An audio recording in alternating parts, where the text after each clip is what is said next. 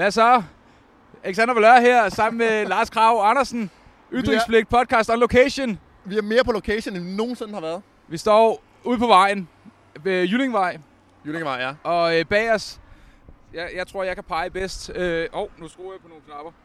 Øh, bag os lige herop, lige herop, der er der en øh, det, øh, Lars' ærkefjende. Ja, ANPG-kameraet, nummerplade scanneren, Lige præcis. øh, som er sådan en, øh, en scanningskamera, der sidder øh, egentlig bare masseovervåger dig, selvom du ikke har gjort noget som helst. Så scanner den din nummerplade og ved, hvor du har været i trafikken på hvilket tidspunkt. Og det kommer vi ind på i løbet af det her afsnit, og øh, hvis du lytter med på podcast, og det eneste du kan høre, det er biler, der suser forbi, jamen øh, MPG-anlægget, det er deroppe, det er hvidt, der er nogle kameraer, det, det kan noget på sin egen måde, og øh, og så har det jo en relation til det, vi skal snakke om senere. Det er, jo, og- og det er jo sådan en semi-boganmeldelse nærmest, vi laver nu. Og øh, det, det må jeg ikke sige, fordi så skræmmer jeg folk væk. Det bliver meget spændende og meget virkelighedsnært, selvom det handler om en bog. Og bogen er... øh, det, bogen er øh, 1984, selvfølgelig, øh, fra øh, George Orwell, så, så, og det kommer vi ind på lige om lidt, men, øh, men, øh, men ja, så, så, så, så den står deroppe, det er Lars' ærkefjende, og har jo også meget i tråd med, med de to andre videoer, vi har haft, i forhold til, at du er på flugt, og du er blevet dømt, for det har jo meget med en GP-anlægget at, at gøre, angiveligt. Angiveligt har det, ja. Angiveligt og, har det. øhm, Angiveligt vil jeg ikke sige, at jeg ønsker, at det blev brændt ned, men jeg tror, George Orwell vil nok ønske, at det blev brændt ned. I hvert fald sådan, som jeg læser hans bog. Muligvis. Lad os øh, Ja. begynde at træske hen imod øh, vores, øh, vores location. Og vi har sat os i øh, vi har sat os på en græsplæne. Øh, lige krydset, det er Lars, der har fundet den her location. Han er ANPG øh, Ekspert. eksperten. I, øh, jeg tror faktisk, du er den øh, øh, NGP øh, ekstern ekspert, der er størst uden for det danske øh, politi. Øh, Jeg tror faktisk, at der er en fyr, der hedder Christian Panton, der ved en del mere end mig, og man kan gå ind på hans hjemmeside anpg.dk og så se lokationerne på de her kameraer. Sådan. Øh. Øhm, han ved nok egentlig mere, end, øh, end jeg gør om det. Og nu skulle vi gerne måske være klippet til... Åh, jeg holder den kørende. Øh, og nu klipper vi til øh, et andet kamera, og så ser det lidt pro ud lige om lidt. Men det er jo ved at sige, at øh, ham, øh, Christian Panton, han nok ved mere om... Øh, hvorfor filmer jeg to steder fra nu? Sluk. Han nok ved mere om øh, tilblivelsen af ANPG og sådan noget, men jeg ved, altså jeg, jeg mener mere om det, end han gør. Han er sådan en jagttager, jeg er sådan en, der handler. Eller angiveligt. Angiveligt en, der, angiveligt en, der hjælper med at, at, at, at skabe handling. Okay, så lige nu, der i midten af os, der skulle der gerne være... Øh, der skulle der gerne være et... Øh, et G, øh, ANPG, automatisk nummerpladegenkendelse. yes. Lyden, lyden den er fed. Lyden den er crisp. Og, øh, Og hvis man, den ikke er, så bliver hængende alligevel, fordi det er bare sådan der on location. det er livet. Nå, men i hvert fald, vi øh, snakkede om her sidst, at øh, det kunne være grineren at lave noget i forhold til overvågningssamfund. Noget i forhold til øh, 2 plus 2 er lige med 2 plus 2 er lige med 5. Øh, Fem bip, eller bup, tre. Bip, bip, bip, bip, bup. Øhm, Ja. så, øh, så, så du, øh, du skrev en tekstbesked til mig den anden dag og sagde, ah, nu synes jeg snart, det er tid til George Orwell. Og så sagde jeg, ved du hvad, det er fandme det, vi kører med, Marker. Så, øh, så har, du, har du fået læst den igen? Ja, jeg har fået uh, speedlæst den, uh, slash hørt den uh, på høj hastighed på lydbog uh, Ja. i min travle, travle hverdag. Så jeg er kommet igennem hele 1984, som egentlig er en genlæsning, for jeg har også læst den for, og det er nærmest 20 år siden, vil jeg tro. Men uh, det var et rigtig godt uh, og glædeligt gensyn. Uh, emnet er ikke specielt opmuntrende, men bogen i sig selv og hvordan den er skrevet, er, det er sgu kvalitet. Ja, jeg, jeg synes også, altså det er ikke så tit, jeg får mulighed for at læse noveller. Det er ikke så tit, at der kommer sådan romaner, du uh, tænker på. noget. Ja, det er ikke så tit, jeg får mulighed for øh, romaner for noveller. at læse novels, because I'm Mr. International. Romaner, øh, det er ikke så tit, at jeg læser, øh, kan vi kalde det for skønlitteratur. Ja. ja. Så, men jeg synes, den var spændende. Øh, og jeg har så heller ikke læst den. Jeg lyttet til den på lydbog. Og, og, og ja, altså, jeg synes, den var udmærket. Den var, der var lige nogle ting, hvor jeg kunne se, det fandt mig, det fandt mig noget, som der er godt forudsagt, eller godt gættet. Og så er der nogle ting, hvor jeg tænker, jeg håber fandme ikke, vi er på vej derhen. Det er jo sådan en slags øh, karikatur af, hvordan tingene kunne være, eller hvordan tingene er. Det er jo ikke en til en, øh, hvordan øh, verden er skruet sammen nu. Måske med undtagelse af Nordkorea, og måske lidt med undtagelse af hedengangene DDR. Men skal vi ikke begynde med at sådan lige introducere, hvad fanbogen egentlig handler om? Jo. Fordi den handler jo egentlig grundlæggende set om en mand, der hedder Winston Smith, der er sådan en, øh, en lav funktionær i partiet med stort P, for der er kun ét parti. Det siger næsten sig selv, Det er når, øh, partiet. Ja. når det er et diktatur. Og han øh, går og øh, hensmægter sine dage i øh, Ministeriet for Sandhed, The Ministry of Truth, og øh, det, The Ministry of Truth, altså Ministeriet for Sandhed, det beskæftiger sig med, det er at lyve og lyve og lyve for befolkningen. Det er at ændre fortiden i øh, avisartikler, i film, i litteratur, i digte, alting, sådan at det til alle tider passer med partiets øh, nuværende sandhed. Hvis partiet for eksempel siger, at nu er vi i krig med Eurasia, og før var vi i krig med og der er tre stormagter. Hvad er det, den tredje hedder? Det kan jeg ikke huske. Øh, Oceania, Eurasia og... Øh, øh, Mongolia? Nej. Nej, øh, det kan jeg ikke huske. Det kan jeg ikke huske, Nej. men øh, heller ikke nej. Men i hvert fald så øh, skal man sådan hele tiden ændre øh, fortiden, sådan at det passer til, hvad der er øh, praktisk for de nuværende magthavere. Øh, så det er et fuldtidsarbejde for Winston at sidde og skrive fortiden om, og han begynder egentlig at tænke, at det her, det er sgu lidt mærkeligt. Det, det passer ikke med hans verdensbillede, og han har det nok egentlig ret dårligt med at sidde og lyve. Ja. Øhm, han er drevet af han er drevet af en eller anden ideologi, hvor han synes, at det hele principielt nok er forkert, og han kan ikke helt 100% sætte fingeren på, hvad det er, der er rigtig galt, men han ved, der er noget rivravrustende galt. Og de laver jo om på tingene hele tiden. Det er jo ikke sådan, at nu har vi opfundet det, nu er det sådan, det er. Det er, det, der, der er løbende retten, øh, ændringer i, øh, i loven øh, hele tiden. Ja, i, i alle publikationer, det er et fuldtidsarbejde. Altså øh, alle øh, fakta bliver løbende ændret. For eksempel, hvis partiet for tre år siden i øh, en, en treårsplan eller femårsplan, eller hvad de har, siger, at øh, om tre år har vi produceret 120 millioner par støvler. Og så øh, viser det sig, at man måske kun producerer 65 millioner par støvler. Så er det så Winstons opgave at sidde og rette alle taler, alle, øh, alt, alt der er på skrift, der relaterer til, at der er produceret 120 millioner par støvler, fordi partiet har altid ret, så fortiden skal passe med partiets syn på, hvad der er, hvad der er rigtigt og forkert, og hvordan, ja. hvordan fortiden hænger sammen. Ja, og, øhm, og så har han jo så også den her, og det er jo, det er jo lidt af det, men, men det jeg synes, der er det spændende, man sige, både overvågningssamfundet, men også den meget totalitære måde at, øh, at, at, at håndtere øh, verden på, synes jeg er rigtig spændende. Jeg er jo meget interesseret i Jordan B. Peterson, som jo er øh, meget interesseret i, i, i total, totalitarism. Ja. Øhm, så, så, så, så jeg synes, der er mange gode øh, indgangsvinkler øh, til det. Og man kan sige, for at beskrive samfundet, som Winston han bor i lidt mere, og for at måske drage nogle paralleller til vores samfund, øhm, så er hele samfundet, han bor i, det er jo konstant overvåget. I hvert fald for medlemmer af partiet. Øhm, de har sådan nogle telescreens, nogle tv-monitorer med kameraer og, og øh, mikrofonudstyr. Det har de installeret i deres lejligheder sådan at de til alle tider er fuldstændig overvåget, og det er kun, hvis man lige finder et eller andet hjørne i en lejlighed, der er lidt specielt bygget, som Winstons er, så kan man måske stå i, på sådan en kvadratmeter, der ikke bliver overvåget. Ellers så bliver alt øh, set og, og overvåget af tankepolitiet, som er, det er vel deres version af det hemmelige politi, der slår ned på folk, der på en eller anden måde er dissidenter. Og det kan godt være, at man er dissident. Ikke engang ved at udgive en bog eller et eller andet. Bare man laver det forkerte ansigtsudtryk på et tidspunkt. Eller man ikke jubler højt nok, når Big Brother, den her øh, mytiske person, der personificerer partiet, hvis man ikke øh, er helt på den rigtige måde i forhold til ham, så kan man øh, risikere at enten komme i, øh, i mange, mange år i, i arbejdslejre, eller simpelthen blive, i den engelske version står der som vaporized, altså dræbt, øh, fordampet, øh, blive en on-person, blive slettet fra historien. Skal, altså, hvor, hvor, hvor mange spoiler skal vi tage udgangspunkt i? At jeg folk, synes, jeg synes, en bog fra, hele bogen. fra 1948, den har folk læst, øh, eller også så, øh, så... Jeg så... synes, at de skal læse den, og så skal de se det her afsnit, øh, fordi jeg tror ikke, vi kan komme ind på bogen sådan rigtige temaer og trække øh, tråde til vores virkelighed, uden at spoile ret meget af den. Nej, tror du det? Nej, det tror jeg ikke. Øhm, Nå, fint, så, så jeg tænker, hvis, hvis du øh, absolut ikke øh, kan, kan vente med lige at læse den først, øh, så, så, så læs den først, men så, så nu kommer der nogle spoilers. Spoiler alerts. Nu, går, nu, nu kommer spoileren. Ja. Øhm, skal vi bare tage den fra en ende af, så? Fra, ja, vi kan lige riste det kort op. Altså, Winston, ja. han leder efter øh, allierede. Det er nemlig rigtig træls at være dissident og være den eneste dissident.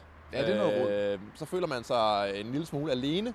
Og han har øh, igennem årene haft en mistanke om, at øh, en, jeg vil ikke sige hans kollegaer, men nok en af hans chefer, O'Brien, han har samme tendenser, som han har. Han har givet ham sådan øh, nogle blikke en gang imellem, hvor han tænkte, at øh, mm, det kan være, at du også er uenig i, hvordan tingene hænger sammen.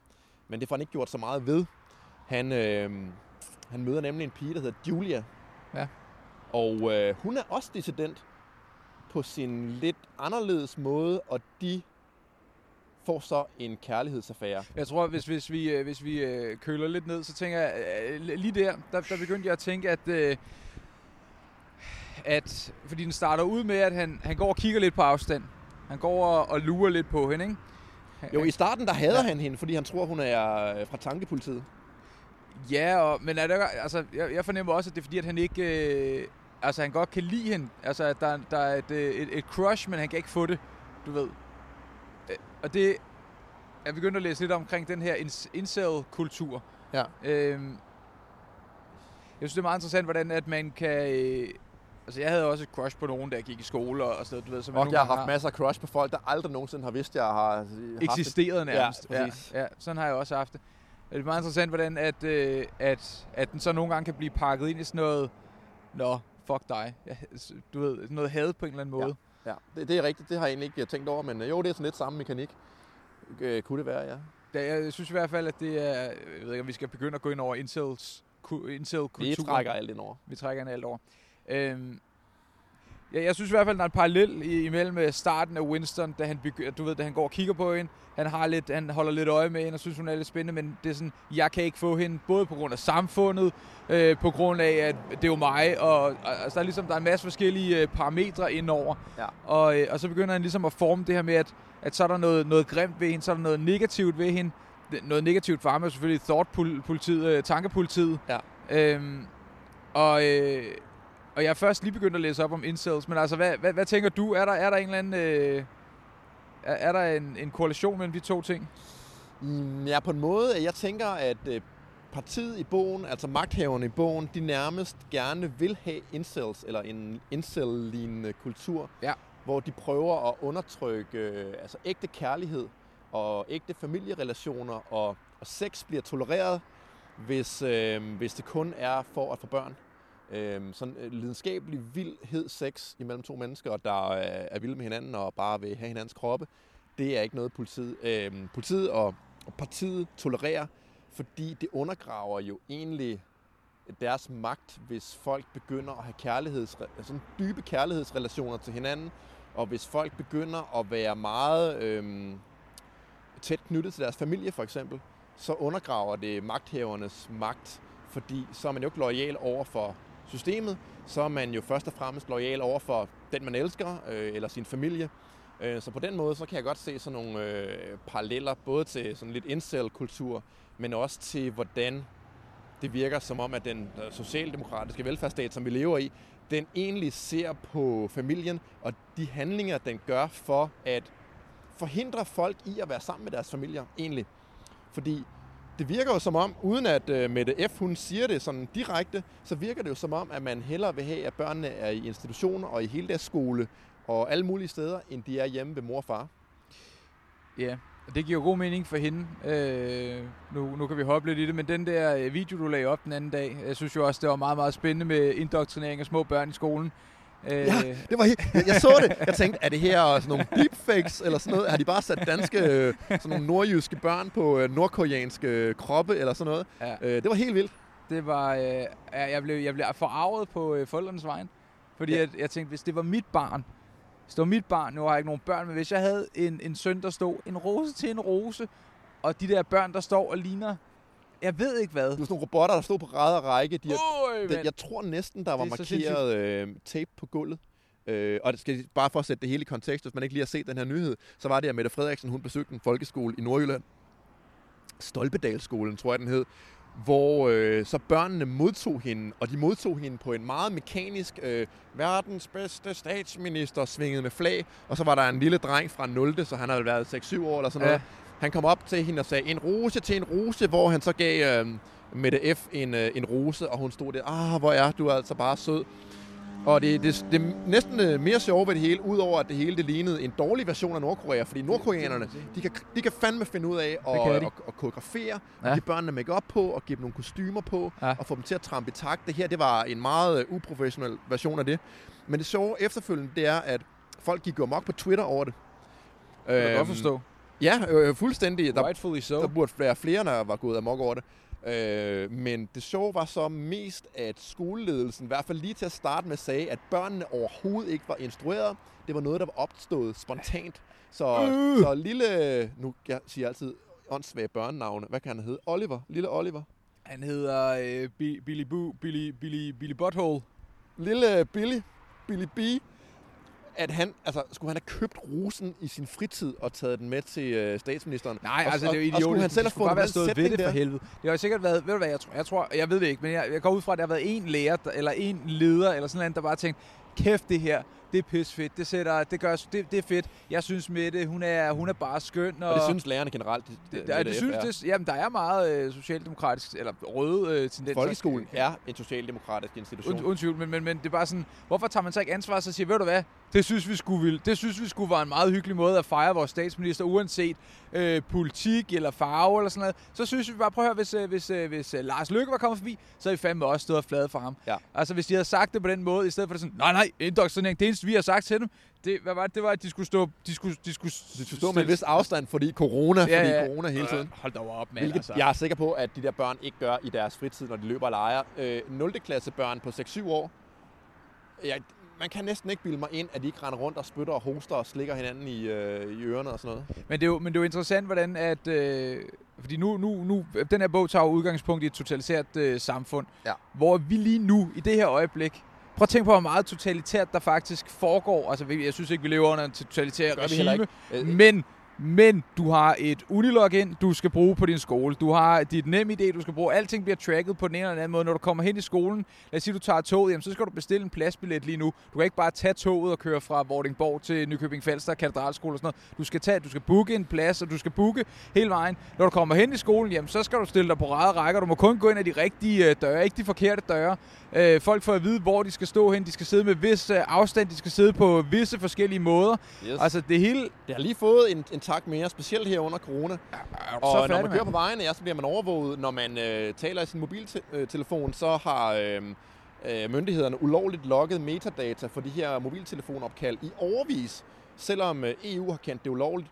Øhm, alle mulige ting, de samarbejder med amerikanske efterretningstjenester. Jeg er sikker på, at øh, i nogle af de store lyslederkabler, der løber igennem Danmark, der har øh, øh, Forsvarets efterretningstjeneste eller øh, PT, de har deres store fede øh, sonde lige ned i de der kabler. Ja, det tror jeg også. Alle de ting, Men det er jo en god måde at forhandle. Man forhandler jo altid under, øh, under krig, og hvor, hvor meget skal indsættes, hvor meget skal ikke indsættes, hvor meget har vi lagt Grønland til, for at, øh, at folk kan stille baser op og sådan nogle ting, for Ja, ja, at vi så ja. skulle gøre noget mindre andre steder. Hvis vi har kabler, hvis vi har information, hvis vi har data, det er fandme en nem måde ikke at sende folk ud og dø på. Og så kan man jo så diskutere, jamen, er det etisk eller er det uetisk? Ej, hvor bliver jeg lige pludselig stille, var? Ja, der er alt for stille. Jeg bliver helt bange. Ja, ikke nogen er biler. lige, hvis vi var i, i Mellemøsten, så når der bliver stille, og folk de forlader stedet, så er det fordi, der er ved at gå en bombe af. Så skal man også hellere daffe. Ja, det, er- det, det, er ikke, øh, det er ikke så godt. Men øhm, ja, jeg håber selvfølgelig, folk kan høre det. Jeg, jeg, jeg bliver ved med at kigge på øh, lydniveauet, og det ser faktisk udmærket ud, øhm, synes jeg. Så altså, jeg tror, vi er okay. Men, men det er meget totalitært, øh, øh, mange totalitære øh, tendenser, der, der er foregår mange under corona. af det, ja. Og George Orwell, hvis han levede i dag, vil helt sikkert se de totalitære elementer i vores samfund i dag. Men det skal jo siges, at øh, inden folk vi hører himmel op og siger, Lars, du er jo øh, helt sindssyg. Vi lever jo ikke i, uh, på, i Airstrip 1, som England bliver kaldt i den der imaginære fremtid-fortid. Der hedder England ikke England mere, der har hedder det bare Airstrip 1. Altså, vi lever ikke i det samfund. Hvis de lever på indeks 100 i totalitarisme, hvilket er nærmest den højeste, vi kan ikke komme længere op, heller ikke i Nordkorea i dag, tror jeg. Øhm, hvis de lever på indeks 100, så lever vi nok på indeks 7,5 eller sådan noget. Ja, vi, vi er ret langt nede, det er jeg også enig. Altså, det går meget godt, det er ikke det. I forhold til det, ja. Men det er også, jeg har tænkt meget over, fordi at jeg, jeg, jeg er sikker på, at du øh, øh, måske nogle gange kan fremstå lidt grovere end mig i forhold til nogle af de her samfundsting, øh, som, øh, som du er meget passioneret omkring. Så jeg har tænkt, jamen så, og jeg vil jo gerne stille mig lidt imod det, men det er også bare en glidebane. Altså, det er også bare en glidebane, at der kan, der kan bare hurtigt blive det næste, der bliver øh, implementeret, og så, ah, men så kan det være, at Magnus Heunicke lige siger, ved du hvad, der skal lige gå to år mere, for at vi er sikre på, at vi er ude af coronakrisen, før at jeg giver slip på min, øh, min, min øh, nuværende position. Og det, og det binder meget godt ind i også et tema i bogen, øh, nemlig at den stat, de bor i, er i øh, uendelig krig med de andre to storstater. Og den uendelige krig, det er ikke sådan en, øh, det er ikke sådan en første eller anden verdenskrigsagtig krig, hvor der er noget på spil rigtigt. Altså, man er aldrig i fare for at blive invaderet, øh, eller øh, der er ingen af dem, der rigtig får øh, the upper hand, og der er ingen, der har, rigtig har en interesse i at få det. Øh, fordi alle staterne, der ligner hinanden øh, i, i ideologi, meget totalitære alle sammen, de har en interesse i, at der altid er en ydre fjende, som vi kan sige, hey, vi er nødt til at lave de her tiltag, fordi ellers så kommer øh, øh, den farlige fjende, Rusland, i dag er det blevet til igen, så mm. kommer den farlige fjende og gør slemme ting ved os. Så for at kunne retfærdiggøre mange af de ting, der sker i bogen også, så det, bruger man jo krigspropaganda til at sige, der er nogen, der vil slå os ihjel derude, derfor skal vi rationere, derfor må I ikke gå ud om aftenen, derfor skal I overvåges, fordi vi skal fange spionerne, og ellers så springer de skolerne i luften og ved øh, jeres børn noget slemt. Så der er mange paralleller på den måde, som Orwell så allerede i 48, da han skrev bogen. Og det er jo så at finde den der balance, hvis vi tager den tilbage til nuværende, nu, nutiden. Altså, hvor, hvor går balancen hen? Altså, du, du synes jo, at GP-anlæggene er, er, er, er, er, ikke, er ikke optimale, hvor jeg kan sige, hvad, hvad nu hvis... Hvad nu hvis politiet så brugte det i at, øh, efterforske et, øh, en kidnapning af et lille barn, for eksempel? Stadigvæk ikke i orden. Det, det, er ikke det, det er ikke, hvad man bruger det til, jeg er nervøs for. Det er, hvad man kan bruge det til. Det er det potentiale, der ligger i, at man kan indsamle så store mængder data om folk, Øhm, og så kan det godt være, at vi lige nu har engle øh, på Christiansborg og i, øh, i myndighederne generelt. Måske, det har vi selvfølgelig ikke, men lad os bare antage, at vi havde engle. Ja, men hvis vi har ikke en Hitler eller en Stalin ja, eller et eller andet uh, Lenin. Vi har, har heller ikke engle, men lad os bare sige, at vi havde det. De brugte det kun til at fange voldtægtsmænd og Emilie Mengs morder og øh, alt sådan nogle ting. Men det er jo ikke det system, vi lever under. Man skal ikke øh, læse særlig meget historie og se særlig mange øh, stater øh, for at vide, at på et eller andet tidspunkt, der bruger magthaverne sådan nogle informationer her til det negative. På et eller andet tidspunkt, der bliver det her brugt til at øh, forfølge folk, der har kørt rundt i en kassevogn øh, kl. 20 en søndag aften, fordi, hey, du er tømrer, og du har et fuldtidsarbejde, men hvorfor er du det her sted i din, øh, i din arbejdsbil? Er det fordi, du laver sort arbejde? For vi kan jo se, at du har et fuldtidsarbejde i den anden ende af, af Sjælland normalt, så hvorfor er du her med dit værktøj? Uha, det kan være, at du laver sort arbejde, lad os starte en efterforskning. Eller det kan være, at øh, en familie med to biler øh, bliver øh, opdaget i, at øh, far er øh, 25 km fra hjemmet øh, en lørdag aften, og mor er 30 km fra hjemmet. Hvor er lille Olfert henne? Hvor er lille, hvor er det lille barn henne? Skal vi ikke starte en børnesag, fordi Øh, barnet har jo helt tydeligt været alene, når man kan se, at far er der, og mor er der, og man i øvrigt på højopløsningsbilledet, der er fra kameraet, som den også optager, kan se, at barnet ikke er i bilen. Hvor er barnet? Er det ikke misrygt? Øh, det er kun fantasien, der sætter grænser i forhold til at vide, hvad den her slags teknologi kan blive brugt til. Ja, det kan bruges til det gode, men det er simpelthen for farligt at give den magt til et voldsmonopol, som vi ikke rigtig har nogen mulighed for at sige fra overfor. Så øhm, der er folk, der har spurgt om det før. Jamen, Lars, hvad nu bliver brugt til det gode? Det er ikke det, det handler om. Det, bliver, det, det handler om, det er, hvad det kan blive brugt til. Så det er, øh, det, det er, øh, det, det potentialet. Det er, lige nu der har vi ikke en regering, der er, er, er, er, bruger det til noget, noget voldsomt ondt, men det kan være, at når infrastrukturen er blevet etableret, og der så på et tidspunkt kommer en, en, øh, en, en, en, en ny leder, som, som ja. måske viser sig ikke at være, være det, vi havde håbet på, at så er infrastrukturen der, og den så er der stadigvæk, ja. Den bliver ikke pillet ned, øh, når regeringen forsvinder eller bliver anderledes. Så Nej. den eksisterer stadigvæk. Okay. Så øh, det, det kunne jeg være rigtig bange for, og det er en, et kæmpestort tema i bogen, det der med overvågning ja. og manglen på privatliv. Og så siger folk jo, og skriver også til mig nogle gange, øh, og jeg tager mig til hovedet, at øh, hvis du ikke har noget at skjule, så har du ikke noget at frygte. Og Ja, det er jo en normal ting at sige. Jeg har været i det her game i så mange år, at jeg nærmest bare får kvalme, når jeg hører øh, udsagnet, fordi det er så NPC-agtigt. Kan du, ved du, hvad en NPC er? Non-player Non-playable, ja, ja. Det øhm, sådan, folk, folk, der bare følger med. Folk, folk der, der ikke, bare øh, er sådan nogle grå mænd, der bare går rundt og siger, hvad øh, Mette gerne vil have dem til at sige, og ikke tænker over tingene, og bare øh, sådan droner der ud af.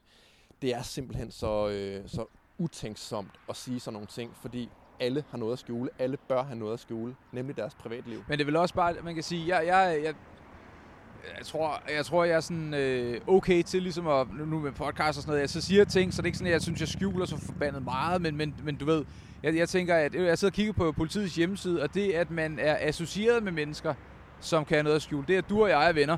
Det vil sige, at jeg er nok formodentlig på en eller anden hotliste, hvis jeg synes, det skal Nej, køre. jeg tror ikke, du er på en hotliste, men lad os sige, at du skulle have et... Øh, Men parametret for at være på hotlisten er meget bredt. Jamen lad os, lad os sige, at du skulle øh, begynde at arbejde i PT, lad os sige det, eller du skulle have en eller anden stilling, hvor du skulle sikkerhedsgodkendes af myndighederne. Det, at vi to er bekendte venner og kollegaer, hvad vi nu er, det kunne nok måske godt blive et problem, fordi øh, de ved, at vi har et eller andet øh, forhold, hvor vi kommunikerer med hinanden. Men jeg tænker, at, ofte. at jeg sad og kiggede på listen, og der skal bare ikke særlig meget, der er ikke så meget, der skal til, for at man er på en hotliste. Jeg har ikke engang set den liste. Hvad skulle der til, sådan helt konkret? Jeg skal ikke lige tage min computer, så kan, vi, øh, så kan jeg fortælle dig, hvad, øh, hvad, hvad de har. Du kan jo lige øh, fortælle alle dine anekdoter, Lars. Ja, fordi jeg er fucking god til anekdoter. Men nej, jeg, kan jo sådan øh, bare hoppe øh, et tema videre i forhold til, øh, hvad der er i 1984, og hvad der kan trækkes paralleller til i dag. Nemlig øh, forholdet mellem mænd og kvinder, og hvordan mænd og kvinder de opfatter politik. Ja. Ja, du skal bare lave sådan nogle lyttelyde, så er jeg tilfreds. Ja. Øhm, fordi Winstons mm. øh, kæreste, Julia, som han øh, får i løbet af bogen, de, de får det her øh, sex øh, kærlighedsforhold, øh, som i starten er ret anstrengt, fordi at Winston er ikke vant til at have passioneret sex med nogen. Han har egentlig været gift med en kvinde, som har været ganske forfærdelig, som man beskriver som hæslig. Så det tager et stykke tid at komme ind i rutinen med Julia, som han føler noget for. Øh, men det kommer til at virke efterhånden. Men de ligger jo og snakker om, øh, om, om deres øh, syn på at være dissidenter, og der bliver det ret tydeligt, at Julia, hun også er dissident, men af nogle andre grunde, end Winston er. Winston er det for ideologien og princippets skyld. Han søger sandheden. Uagtet, hvad det sådan betyder for ham selv nødvendigvis. Men Julia, hun er dissident for at gøre livet bedre for sig selv. Hun kan ikke forstå, hvorfor han vil beskæftige sig med ting, der måske kan bringe ham i fare, uden at give ham en umiddelbar glæde. Så det viser lidt forskel mellem mænd og kvinders forhold til øh, politik og politisk kamp med, at kvinder er generelt modstandere af systemet, hvis systemet øh, prøver at fuck med deres familie, deres nære relationer, deres venner, deres mand, deres børn. Øh, hvor mænd meget, i meget større omfang, bare tage mig som eksempel, jeg gør det jo ikke fordi, at jeg vil gøre mit eget liv nemmere. Altså, jeg gør nærmest Det det tror jeg heller ikke, at du gør. Jeg øh, gør mit liv meget mere vanskeligt. øhm, jeg gør det for princippets skyld, så jeg er meget mere Winston Smith, end jeg er Julia, hvor øh, George Orwell han egentlig fanger den forskel på kønnenes forhold til øh, politik ret godt ved at vise bevæggrundene for, at Winston og Julia er dissidenter henholdsvis. Øh, for der er ret meget forskel på de to, selvom de begge to er modstandere af Big Brother og systemet. Apropos øh, kvinder, sendte jeg dig det der, øh, som Pernille Skipper havde lagt op den anden dag. Åh oh, ja, jeg, jeg læste ikke sådan helt i, men det var, at, øh, at, at kvinder var altid ofre. De, de havde det slemmest og værst altid. Altså, øh, altså, det er, helt, det er jo helt gak. Okay, så, så Pernille, det er lidt øh, random i forhold til det, vi snakker om, men hun, hun skriver, hun har lagt et øh, opslag op for fire dage siden, hvor hun skriver, når verdens kriser rammer, rammer det kvinderne hårdest. Hvorfor fuck rammer det kvinderne hårdest? Hvem er det, der står på øh, the front line, så bliver skudt? Er det så fordi, at kvinderne skal stå tilbage med ansvaret, at det rammer dem hårdest? At mændene dør først? Hvorfor rammer det kvinder? Det rammer sgu da alle fucking hårdt. Det, det rammer alle Hvorfor hårdt, rammer men, men, men kvinder i dag, i hvert fald øh, på den, den der feministiske, lidt woke øh, øh, karat, de er ufattelig gode til at se sig selv som ofre. Øh, øh, kvinder er ofre, fordi de ikke er i høje direktørstillinger, samtidig med, at de har fem børn. Øh, kvinder er ofre, hvis de ikke får en høj løn, samtidig med, at de vil have fem års barsel i hele deres karriere. Kvinder er ofre på rigtig mange måder, og det er blevet sådan en meget øh, almindelig tænkemåde, for nogle kvinder i hvert fald, at se sig selv som ofre for, øh, for patriar, øh, patriarket, Patriarkiet, ja. øh, patriarkalet, øh, for mænds handlemåder, hvor kvinder, altså, man skal virkelig lede længe efter, hvor kvinder egentlig er ofre i dag. Sådan for alvor. Jo, i, i mange indvandrerkredse, og nu siger jeg indvandrere, det mener jeg ikke øh, japanere og amerikanere og sådan noget. Øh, I muslimske kredse, der, er kvi- der har kvinder det ikke sådan voldsomt sjovt altid. Det er jeg, jeg er ret sikker på, at det er det mest tydelige eksempel på, at kvinder som køn bliver bliver ofre i vores samfund. Men det er selvfølgelig noget, de her feminister, de ikke nævner med et ord ever nogensinde, fordi det passer ikke ind i deres ideologi om, at øh, multikultur og hele verden skal være sammen, og ingen øh, alle de der ting. Så det bliver ikke nævnt. Men ja, jeg læste godt, at du sendte mig ja, det her, og jeg, jeg sad bare himlet med øjnene igen. Jeg synes simpelthen, det er så fjollet. Nå, skal vi lige, vil du lige have nogle AMPG-facts? Ja, jeg var ret god til at fylde den her stillhed ud, synes jeg. Jeg synes, det er absurd god. Altså, ja. det er skills. Øh, okay, prøv lige at spørge mig, hvad politiet bruger AMPG til? At de bilder vel folk ind. De bruger det til at opklare kriminalitet ved øh, finde stjålne køretøjer, øh, biler, der ikke er registreret eller betalt øh, forsikring på og sådan noget. Det primære formål med ANPG er bekæmpelse af... Jeg tror, jeg bliver ved med at bytte rundt på bogstaverne. Jeg tror, nogle gange siger NGP, nogle gange siger ANPG. Det er fucking ligegyldigt. Det fortjener ikke at blive udtalt rigtigt. ANPG. Øh, den primære formål med ANPG er bekæmpelse af grænseoverskridende og alvorlig kriminalitet, men ANPG bidrager blandt andet også til at øge færdselssikkerheden. Øh, bruges til at efterforske alt fra for eksempel terrorhændelser, drab samt rocker- og bandekriminalitet til for eksempel narkotikasmugling, indbrudskriminalitet og færdselslovsovertrædelser. Og tror du, at det bruges til, øh, altså hvis der bliver indbrud det hus derovre, tror du så, at de holder øje med det på det kamera?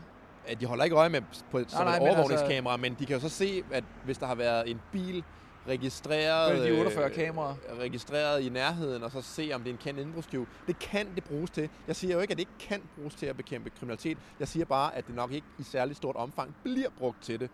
Øhm, det bliver bare brugt som sådan et trålnet, der bliver kastet ud over alle mennesker, og så registrerer man folk, fordi man får jo enorme mængder data ind. Man får så meget data ind, at det nogle gange er umuligt at sortere ordentligt i det, øh, som Snowden han også har påvist øh, i forhold til den overvågningssag, øh, han startede der tilbage i du, du, du, du, 8, 8?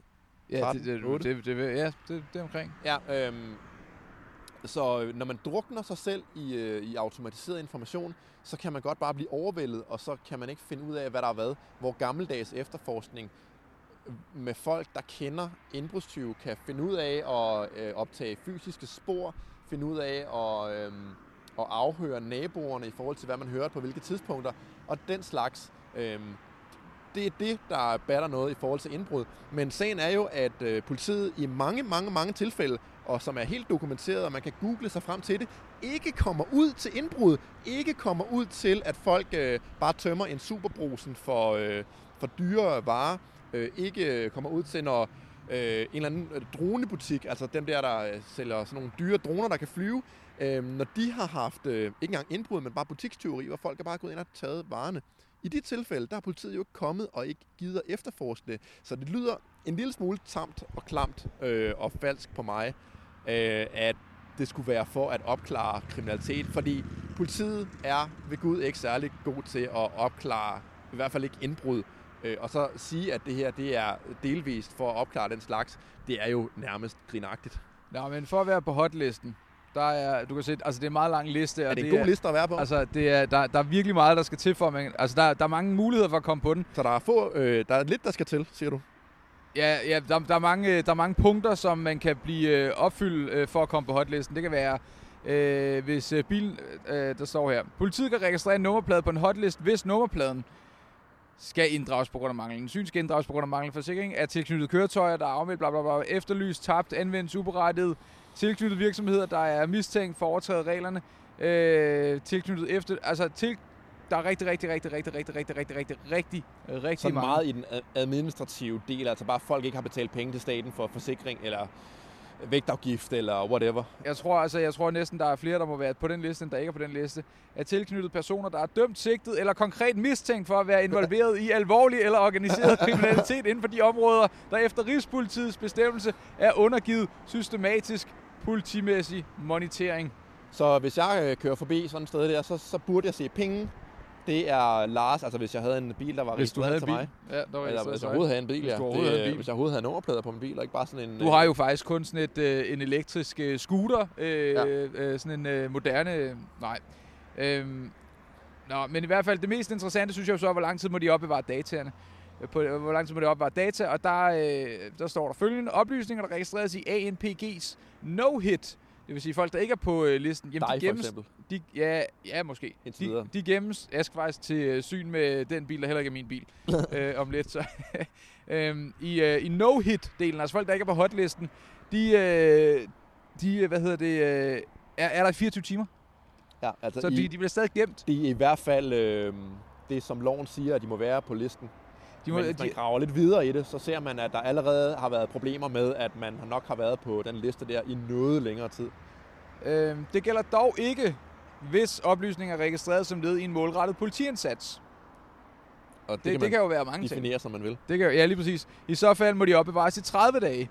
Og så tænker man, nå, 30 dage. Nede i bunden her, så står der så, i ekstraordinære situationer, for eksempel i tilfælde af terrorangreb eller lignende alvorlige hændelser, men ikke begrænset til det. Altså, det er ikke, der står ikke, at det er det, det, det, det, ligesom, det Så kunne være alt et kan eksempel. Være, alt kan være ekstraordinært i princippet. det, alt er relativt. Og så øh, der er slettefristen på henholdsvis 24 timer og 30 dage, kan udskydes.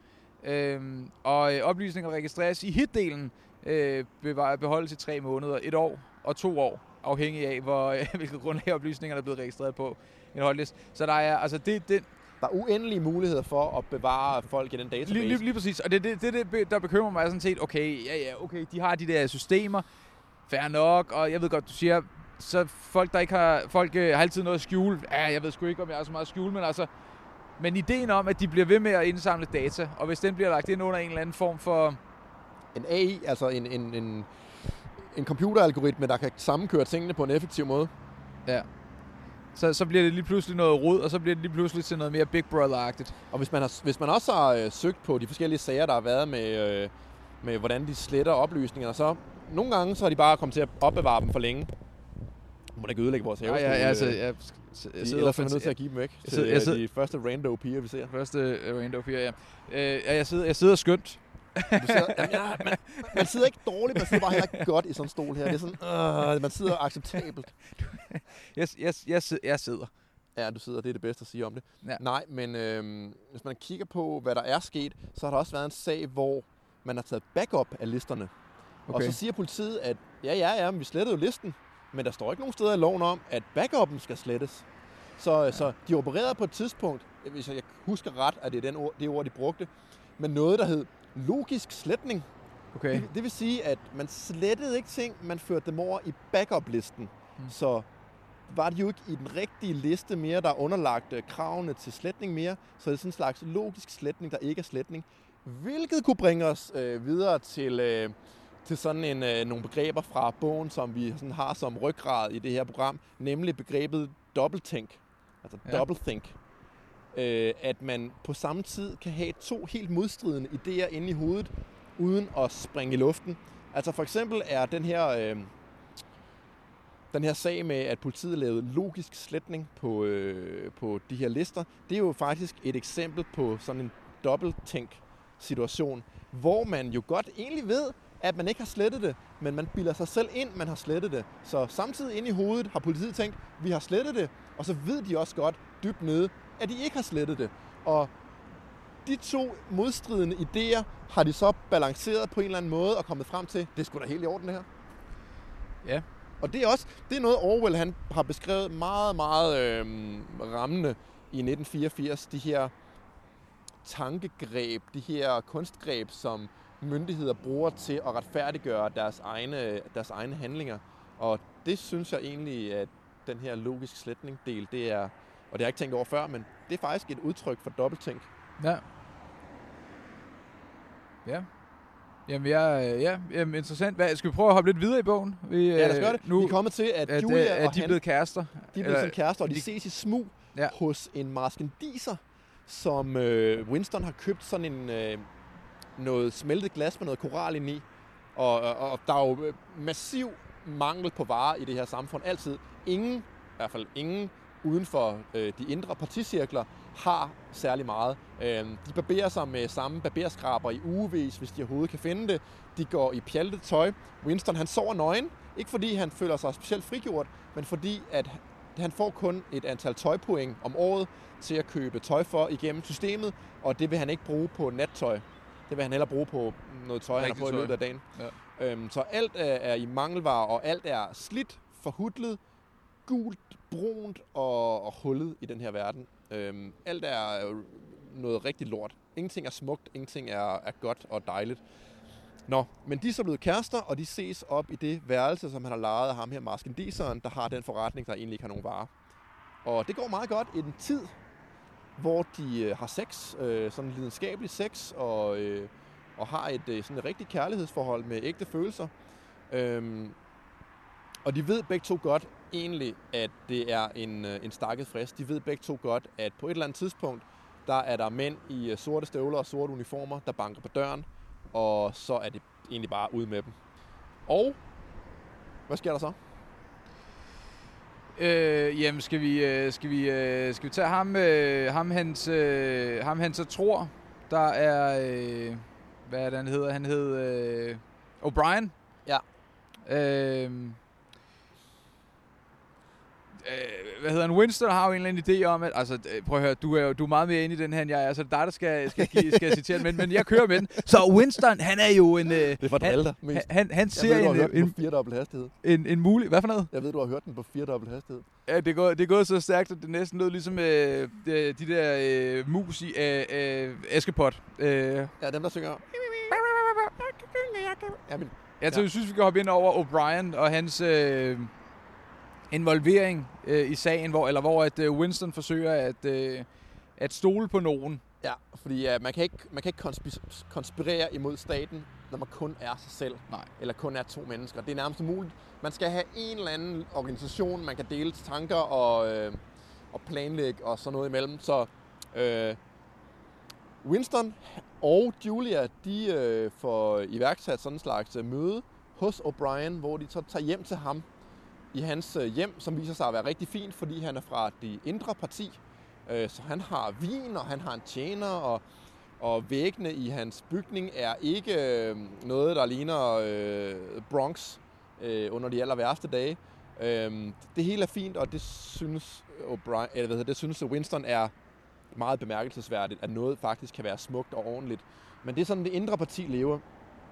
Øhm, så kommer de op til O'Brien, og øh, egentlig bare erkender, at de hader Big Brother. De vil være modstandere af systemet, og øh, O'Brien hjælper dem egentlig til at sådan ligesom konsolidere sig i den tro. Du fortsætter bare. Yes. Og øh, han virker som en fin fyr, umiddelbart O'Brien, som en meget, meget intelligent herre.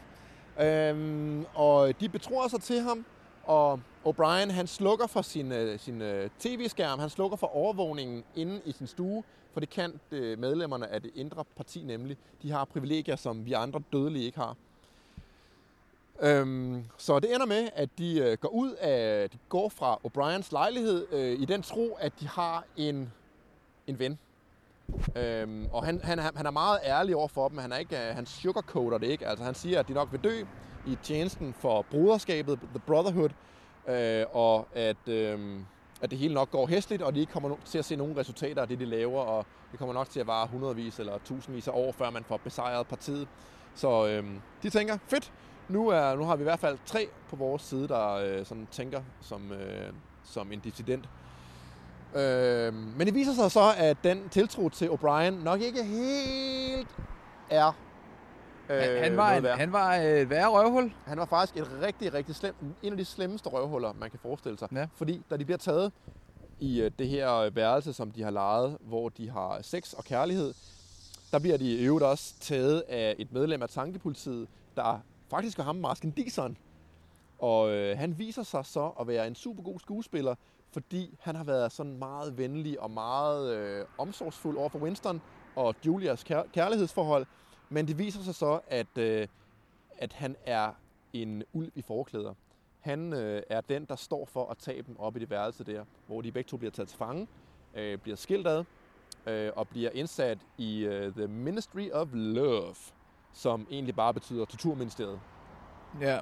Og så kan vi også dvæle lidt ved den her øh, newspeak, som er en, en del af, af bogens tema, nemlig det, at øh, partiet har lavet sådan et helt nyt sprog, hvor de søger at gøre engelsk i det her tilfælde, altså det sprog, de taler, så unuanceret og så impotent, på den måde virkningsløst, øh, at man faktisk ikke kan udtrykke, at man er uenig i Big Brothers tanker og hvordan partiet tænker. Så man prøver at gøre sproget partivenligt, sådan at man faktisk ikke kan udtrykke utilfredshed igennem sproget, øh, hvilket er et meget, meget... Øh, ja, det er faktisk meget spændende at høre om, fordi der er en karakter, der hedder Sims, en af Winstons øh, øh, kollegaer, en ubehagelig fyr, der arbejder på at lave Newspeak. Og han fortæller, vi laver ikke flere ord, vi destruerer ord. Mm. Altså vi ødelægger ord, sådan at man ikke kan øh, udtrykke nuancer, og dermed heller ikke tænke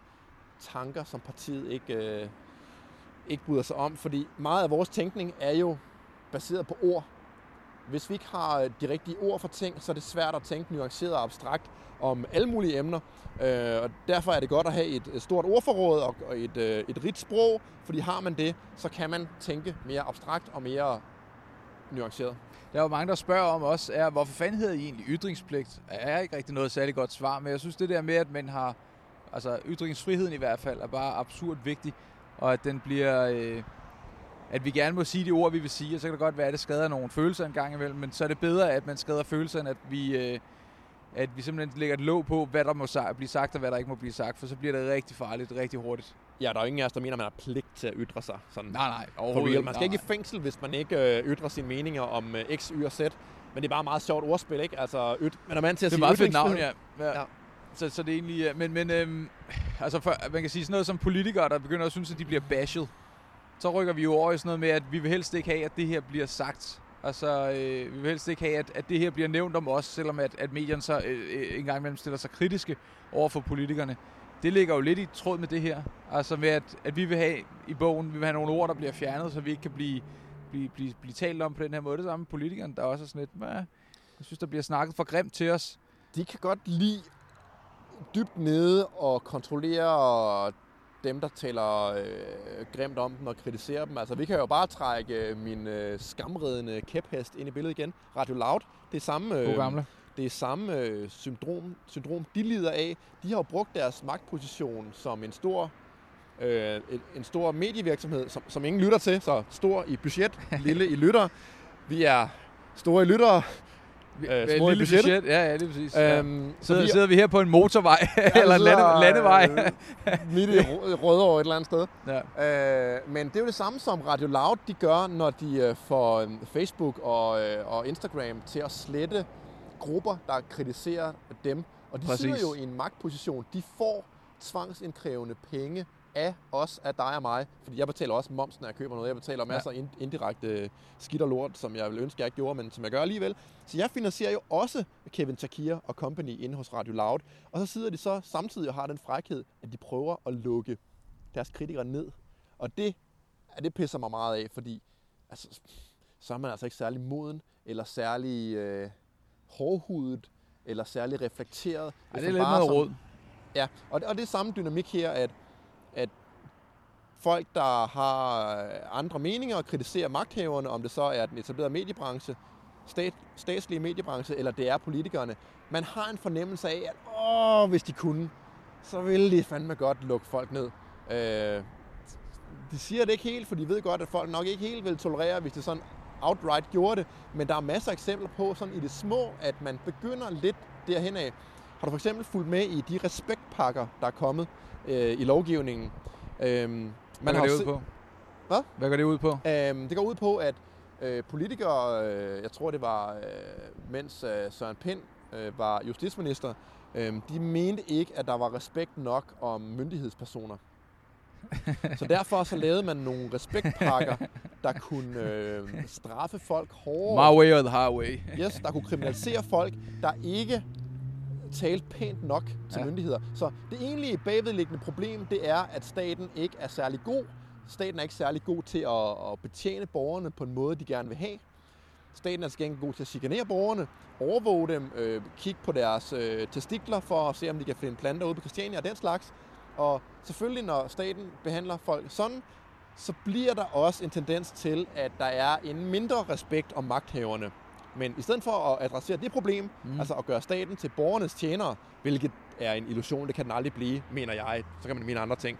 Men i stedet for at, at prøve at gøre sit arbejde bedre, så har man i stedet for indført lovgivning, for eksempel straffelovens paragraf 119a, som jeg har sigtet for i, øh, i et eller andet tocifret antal gange og have brudt. Hvad, hvad er det nu lige, den er? Det er at, øh, at chikanere øh, myndighedspersoner. Altså, hvis for eksempel man offentliggør et billede af en myndighedsperson og skriver, øh, Britta, hun har... Øh, hun arbejder hos Skat, og hun har gjort, at min øh, virksomhed er gået konkurs, fordi hun har stjålet alle mine penge, og, øh, og egentlig bare opført sig som en rigtig skrankepæve. Hvis man gør det, så har man ikke vist nok respekt for Skattebrita, og så kan man blive sigtet for at have brudt 119a. Øhm, I stedet for, at man tænker, gud, hvor er skattevæsenet idiotisk og uigennemskueligt, lad os lave det om, sådan at man dog føler, at man får et eller andet for pengene.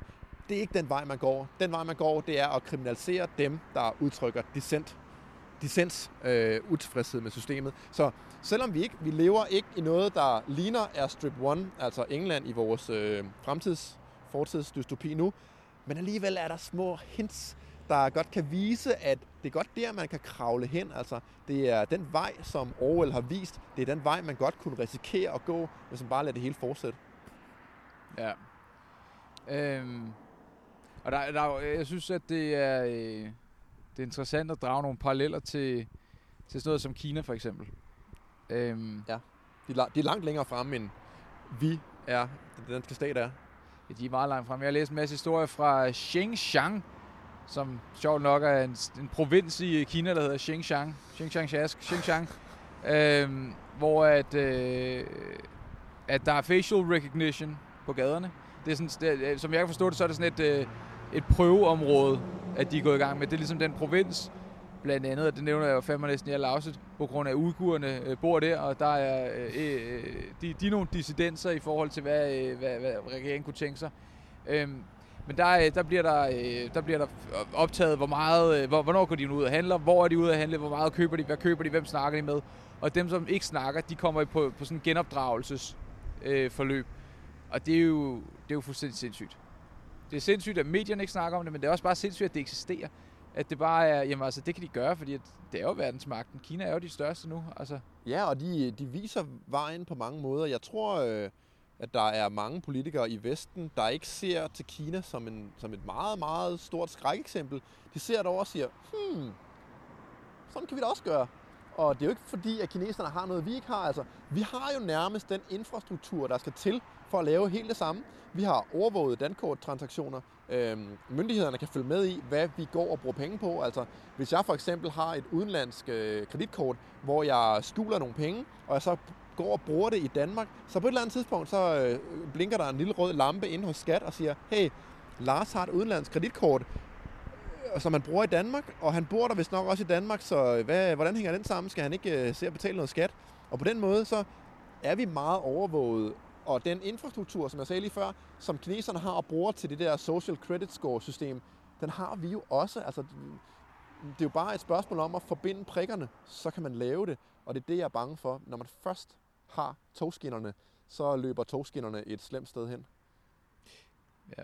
Jeg, jeg, altså, jeg vil sige, at uh, næste gang, så kommer vi ikke til at sidde på en vej, så, så hvis du lytter Jeg med... kommer selv til meget værre med at Og, stå et øh, sted. næste gang, så sætter vi en- indflyvningen til på en- lufthavnen måske. Ja, lige nu er det nok ret fredeligt, men vi kan øh, finde en byggeplads. Og, og, og til dem, som er med på YouTube, altså kameraet det slukkede før. Det øh, ud som om, at der var brugt en masse batteri, så jeg tror ikke, det har været slukket så længe, men øh, sådan kan det gå. Who knows? Sådan kan det gå. Øhm, ja, hvad, hvad, øh, de bruger meget den her firehose-strategi øh, med at øh, løgn, løgn, løgn, løgn, løgn, løgn, løgn, løgn, løgn i, øh, i, øh, i, i, i bogen. Og det, det kan man jo også lægge lidt genkende til sådan noget som for eksempel Donald Trump. Altså, at øh, der må være no, altså, hvis han siger 10 ting hver dag, der ikke passer, så må der jo være noget af det, der i hvert fald passer. Eller så kan vi ikke nå at tage det hele op. Altså, der, der er nogle paralleller, som ligesom øh, finder sted nu. Ja, også at folk bliver på et tidspunkt ligeglade med løgnen. Præcis, Altså, ja. Trumps supporter øh, støtter, jeg, jeg skal virkelig vende mig af med at bruge så mange engelske ord, det lyder idiotisk. Folk, øh, Det lyder great. det lyder great. Ja. Great, det lyder som uh, Gitte Nielsen, når hun kom tilbage fra tre uger i Ja. USA. Jeg har været i Hollywood i, I tre uger, så nu jeg taler accent. accent her. Det er rigtig godt. Øh, nu mister jeg min train of thought. Min Hvad? tank. Jeg mistede en rød tråd. Hvad var det egentlig, jeg lige havde sad og talt om? Øh, Firehose-strategi. Ja, øh, og lyve, og folk er ligeglade med det. Ja, altså øh, Trumps støtter, de er jo nok øh, ret langt hen ad vejen ligeglade med, at han lyver. De tænker bare, yes, han giver modstanderen tørt på, og vi ved dybt nede godt, at det er løgn, det han siger, men vi er tordnende lige Og det er lige med, præcis der er det, sandt. det ord, der er, der, er det, der er det vigtige ord i det her, det er ja, men. Fordi det er en flok ja, men. Det er sådan, ja, men hvad med, eller hvad, hvad med, ja, men uh, Hillary Clinton har også uh, gjort det. Ja, men uh, Bernie Sanders sagde også det her i 1982. Eller ja, men. Det er sådan, der, man, man siger aldrig, ja, du har ret, Donald Trump, han har faktisk sagt de her ting, der Og ikke det er et passer. problem.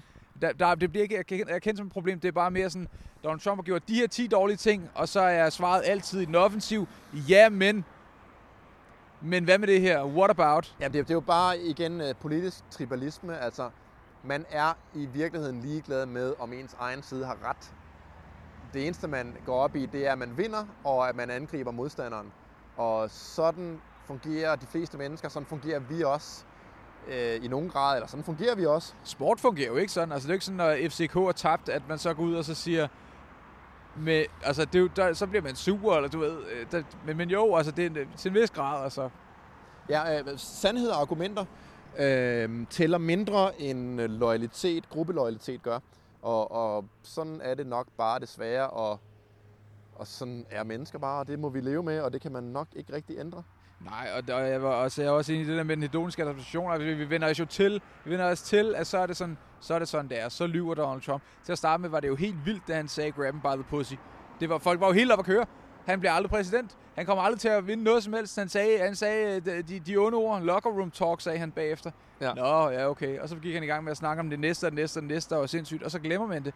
Så, så vi drukner i vanvid fra, fra sådan en mand som ham. Vi drukner i vanvid fra mange folk. Jeg synes, det er på, på en måde kan man sige, at det er positivt, at man vender sig til, at politikere lyver. Øhm, fordi det underminerer...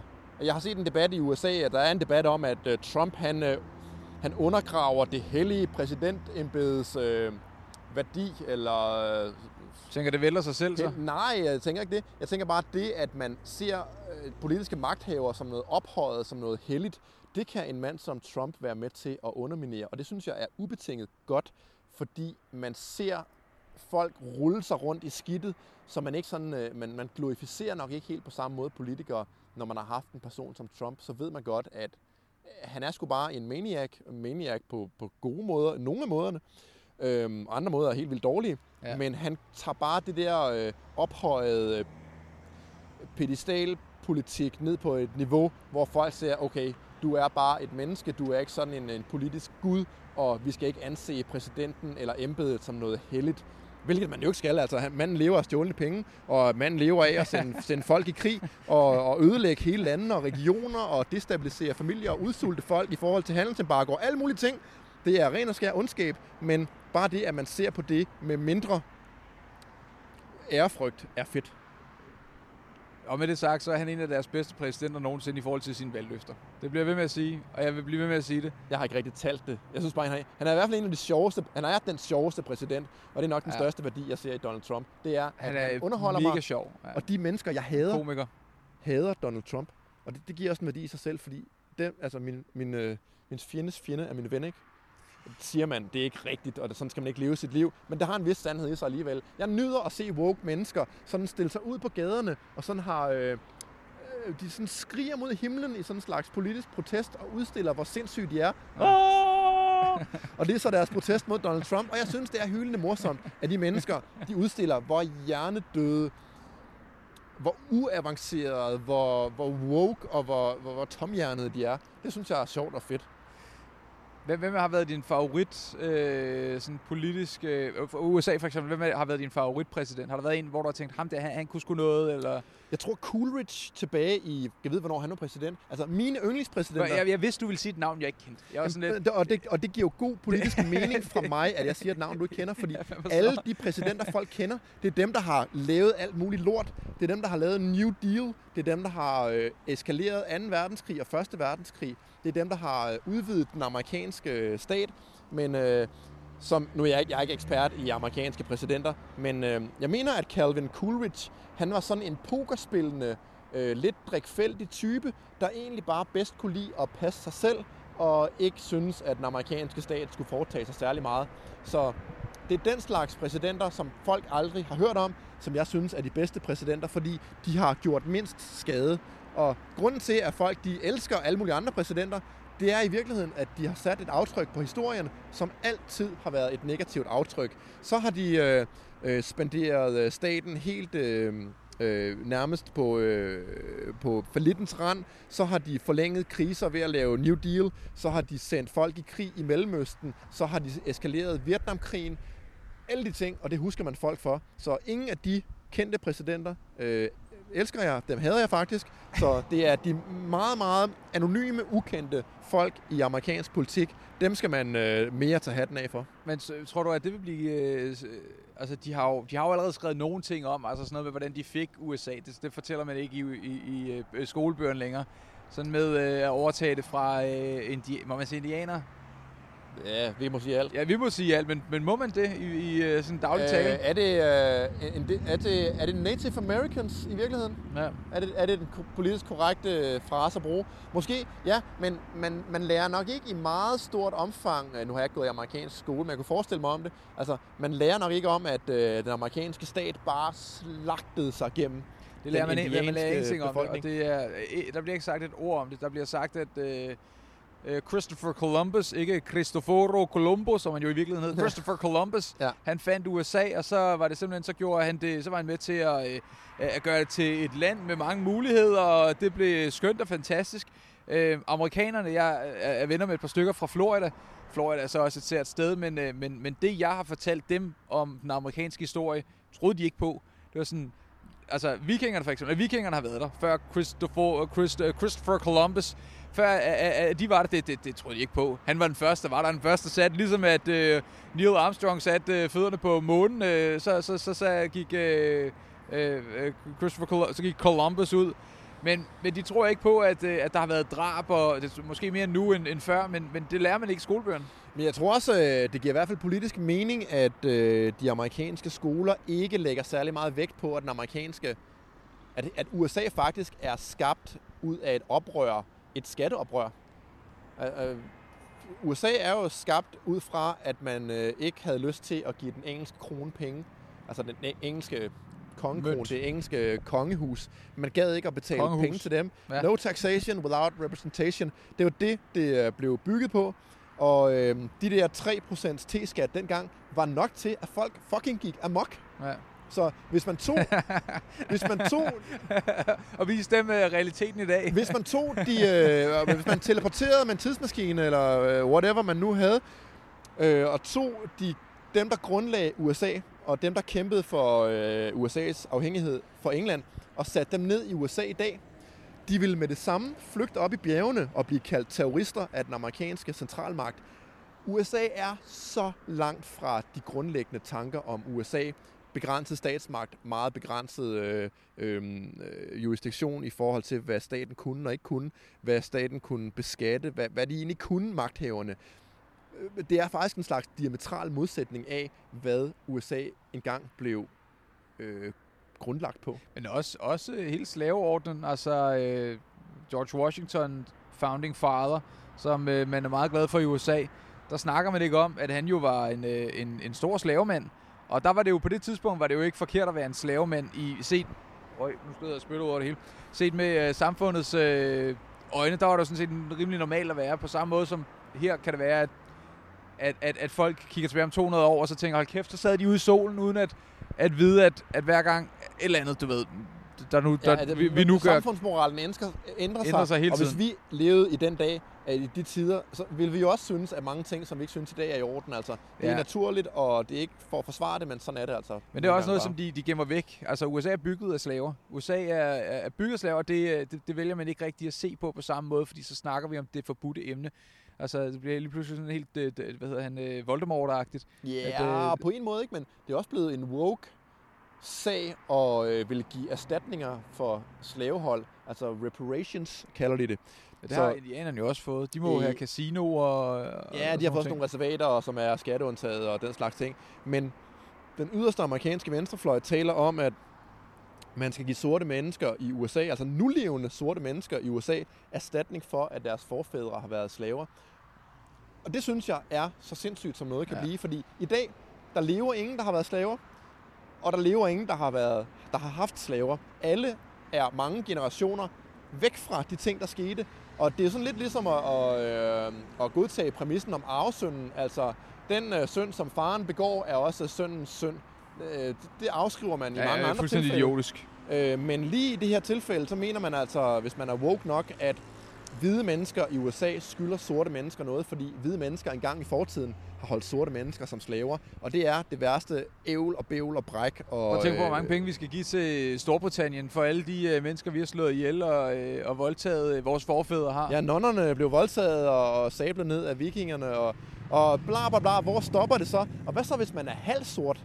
Skal man, er man så, så både skal man kun have undertrykker, halvdelen af er pengene. man så både skal man undertrykker give sig selv øh, penge. og slave? Ja. Så skal man både sådan betale og modtage på én gang, og hvordan afgør Jeg tror, man det nogensinde vil komme til at blive en reel ting. Altså, Ja, det håber det, jeg ikke. Jo, det vil jo være fuldstændig håbløst. Og det er jo også, hvis det blev, øh, nu kommer vi jo sådan godt ud af en tangent, men det er jo det, det hele Det, handler det, om. det er det, vi laver jo. Øhm, øh, øh, en af de negative, en af de mange negative ting ved at, at give den slags erstatninger, det er jo så, at hvis man egentlig gerne helt oprigtigt vil undgå racisme og, og konflikter sort og hvide imellem for eksempel, så er der ikke nogen bedre måde at skabe konflikt på, end at sige til den ene gruppe, at nu skal I betale for fortidens synder. ikke noget, som I har gjort selv, men noget, som jeres forfædre, som I ikke har noget med at gøre, har gjort. Altså hvis din far, eller det bliver så nok oldefar, Ja, hvis han havde været vagt i en korsetlejr, jeg kunne da aldrig nogensinde finde på at anse dig som et dårligt menneske, fordi din oldefar havde begået nogle slemme ting. Men det er jo det, mm, det, er jo så det man mener i de kredse her. Og hvis man gerne vil grave grøfter imellem folk, så skal man bare tvinge en gruppe til at betale erstatning til nogle andre, og de synes, det er Men det ville vel være staten, der skulle betale så det ville jo ikke være... Ja, det er altså, ja, Rockefeller-familien er jo ikke det er jo øh, skatteyderne, der i sidste ende kommer til at punge Ja, det kan man jo sige, men, så, ja, men det vil jo være alle. Men ja, altså... Øh, ja, jeg ved sgu ikke. Men, men, øh, men, men, men det er jo det, der foregår i Hongkong lige nu. Det er derfor, de laver protester. Der er meget- øh, Jeg synes, folk er ofte ikke helt sådan... Der bliver, ikke snakket, der bliver snakket meget om, at nu er der øh, Umbrella Revolution, og nu er der noget nyt i Hongkong, men det er ikke så tit, der bliver snakket om, hvad fanden det egentlig er, der foregår, det der foregår i Hongkong. Øhm, og det er jo fordi, at øh, blandt andet, der er mange ting, men det er jo blandt andet fordi, at, øh, at man gerne vil have maoismen ind i, øh, i Hongkong, at det ikke bare Ja. er... De er sgu ikke øh, kommunistiske og, øh, og kollektivistiske nok. De er sådan lidt af en anden støbning derude, fordi de ikke har, De har været engelsk i de, de 99 ikke har, år. de ikke har levet under kommunismens å på samme måde, som fastlandskineserne har. Ja. Ja. Så både øh, Taiwan og, øh, og Hongkong, det er en anden kultur. Det er ikke det er sådan kineser version 2.0-agtigt. Jeg var der på... Eller version 1.0. Det er jo sådan nærmest, de er nok tættere på de oprindelige kinesere, end, øh, end, end dem, der så har levet i Kina, fordi de ikke har været udsat for kommunisme. Det kommer an på, hvem de oprindelige kinesere Ja, er. ja. Men, men øh, altså, jeg var der på 15 års jubilæet af, af, af frigørelsen fra, fra England. Ja. Der var 400.000 mennesker på gaden. Det var det vildeste, jeg nogensinde har oplevet. Altså den største folkevandring af mennesker. Fri, frigørelsen fra hvad? Fra England?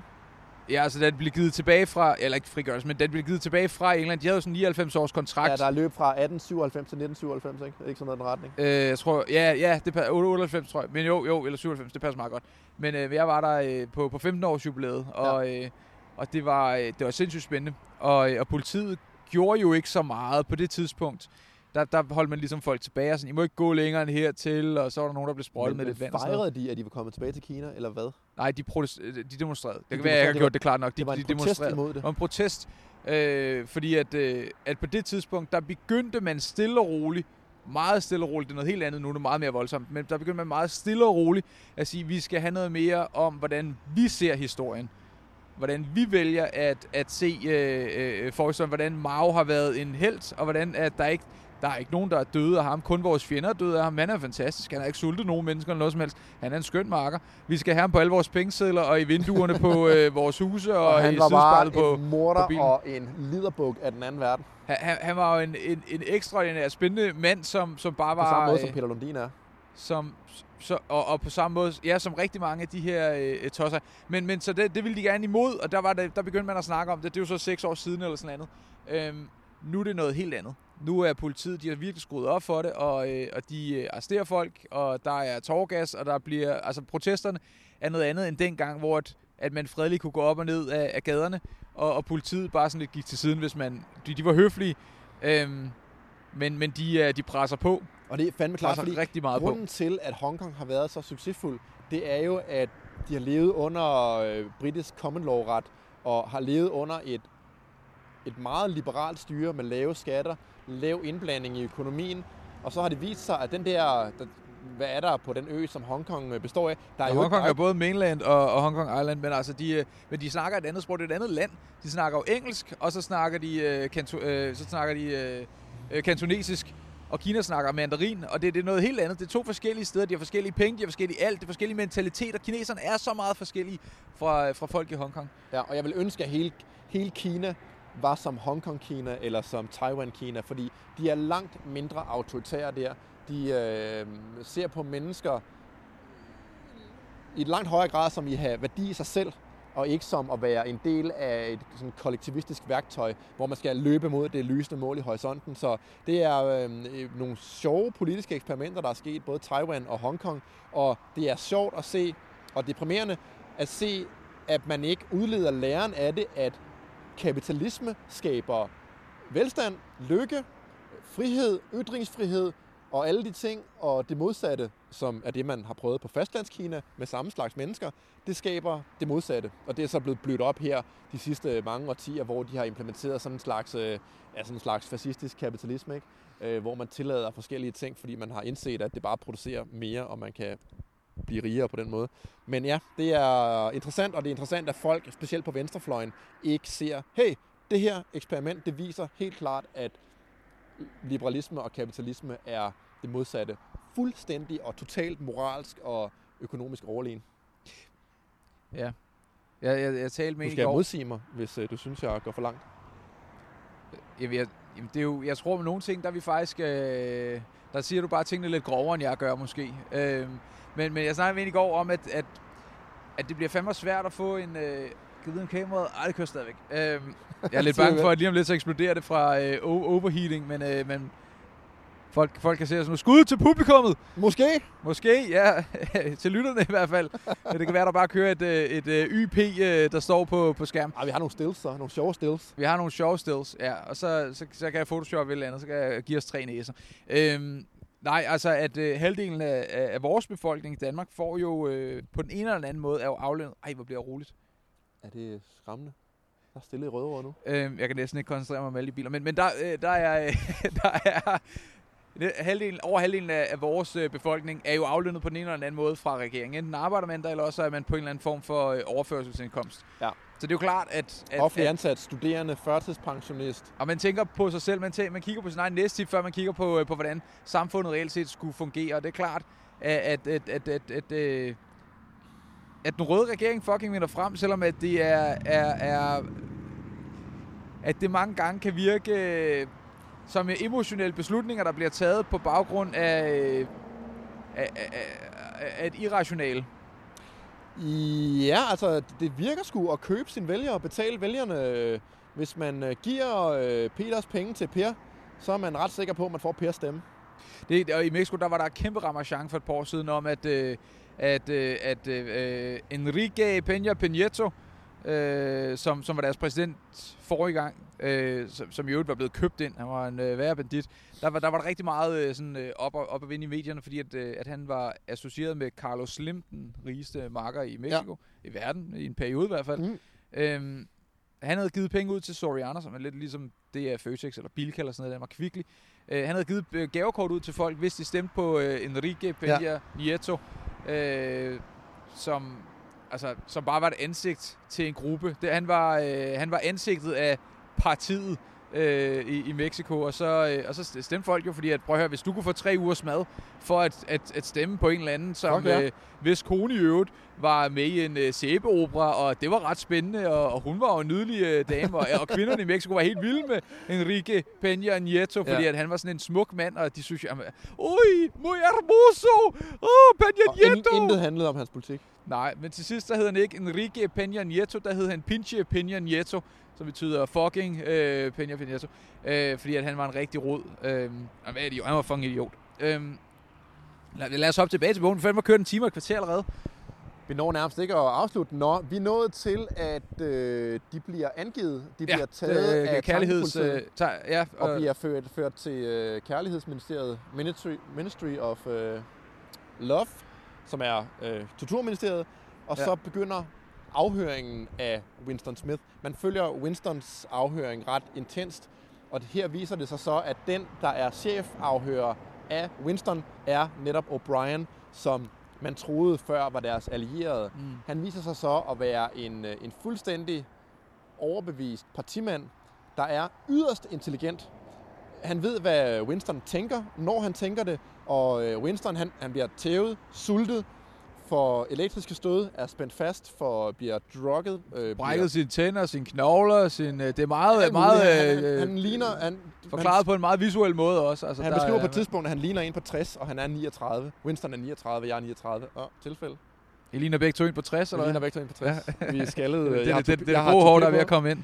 øhm, nej, øh, så, øh, så Winston han bliver meget, meget grundigt afhørt, og så viser det sig i al sin øh, modbydelighed, hvad partiet egentlig er ude på, fordi de er jo ikke bare ude på at slå ham ihjel, eller i at holde ham fanget, eller i at true ham til at gøre, hvad de siger.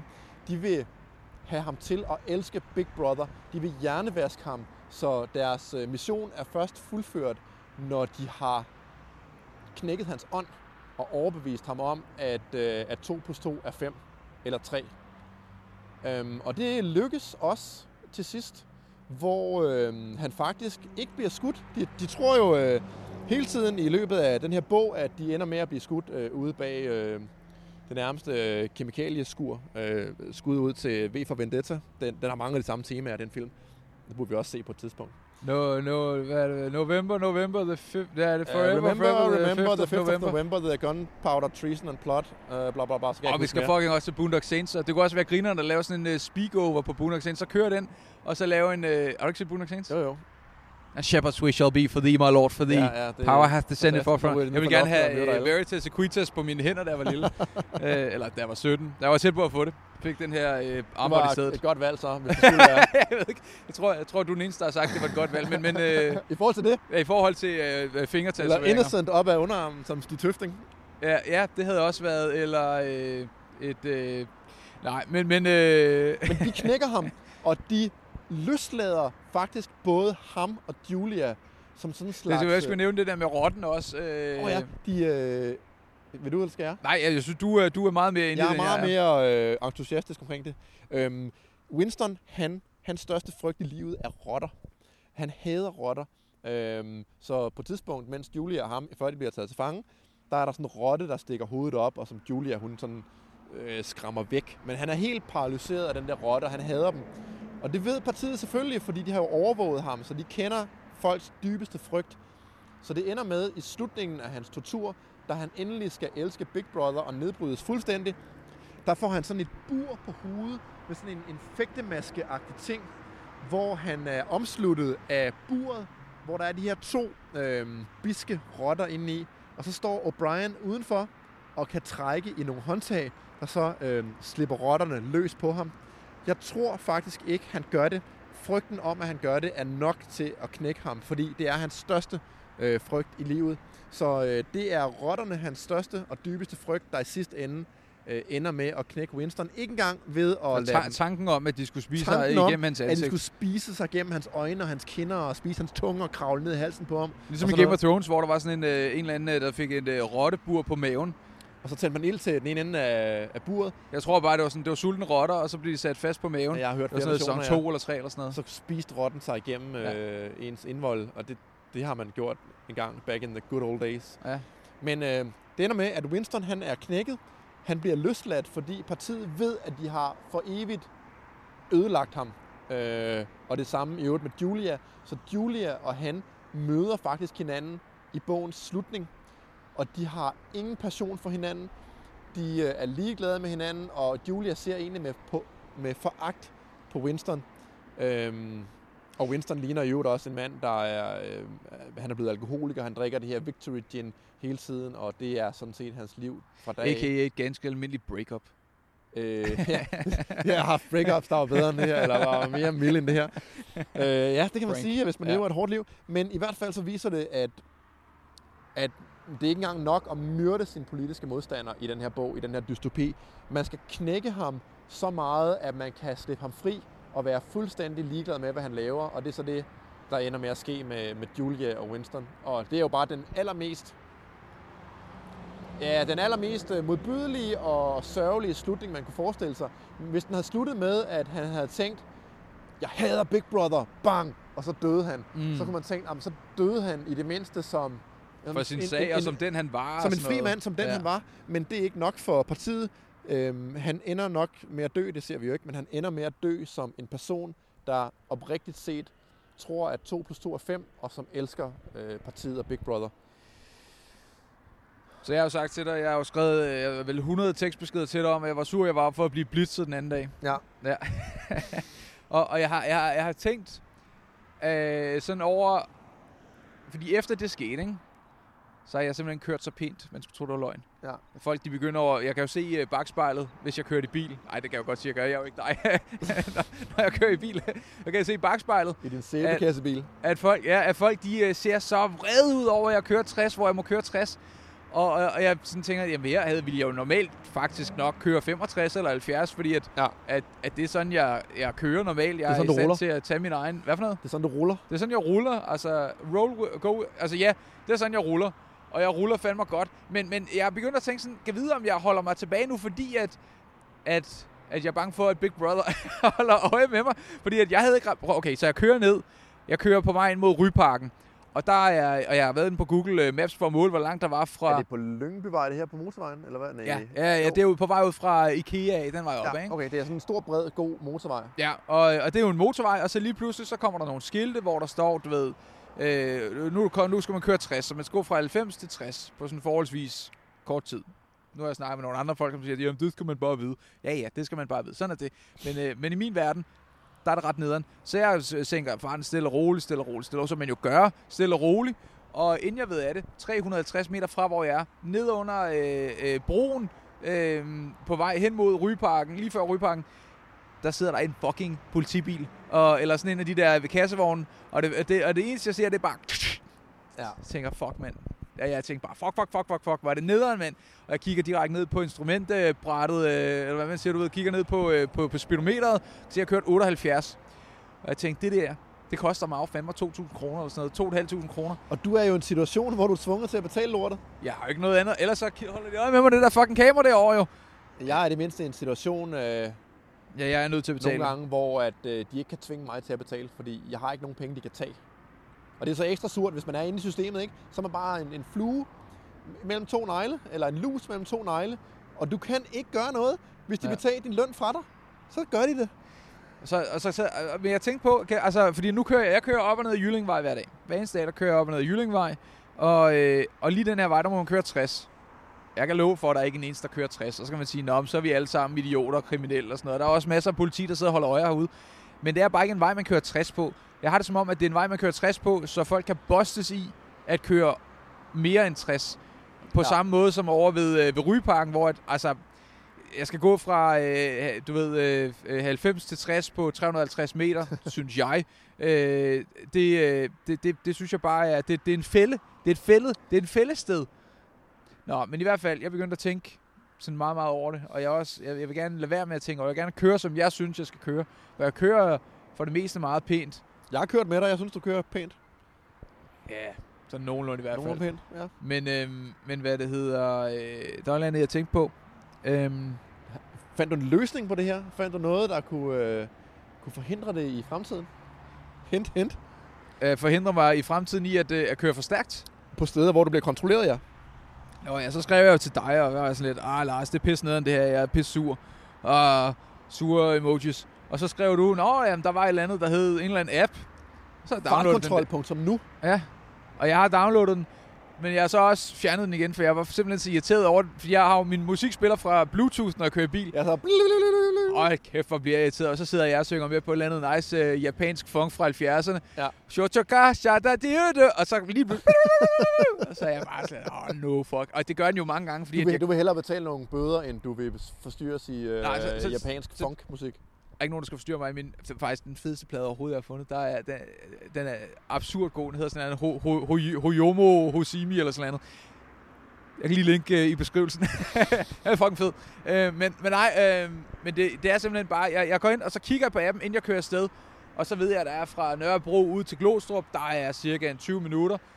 Det kan godt være, at de når at stille noget op i de 20 minutter, men ellers så ved jeg cirka, hvis der er nogen, der er på Jyllingvej eller ja. Salingvej, eller. Ja. hvor fanden de nu kunne sidde henne og lure og vente på, at øh, jeg skal give dem penge. Ja, 2.500, det regner jeg med. Men jeg tror ikke, jeg får et klip i kørekortet.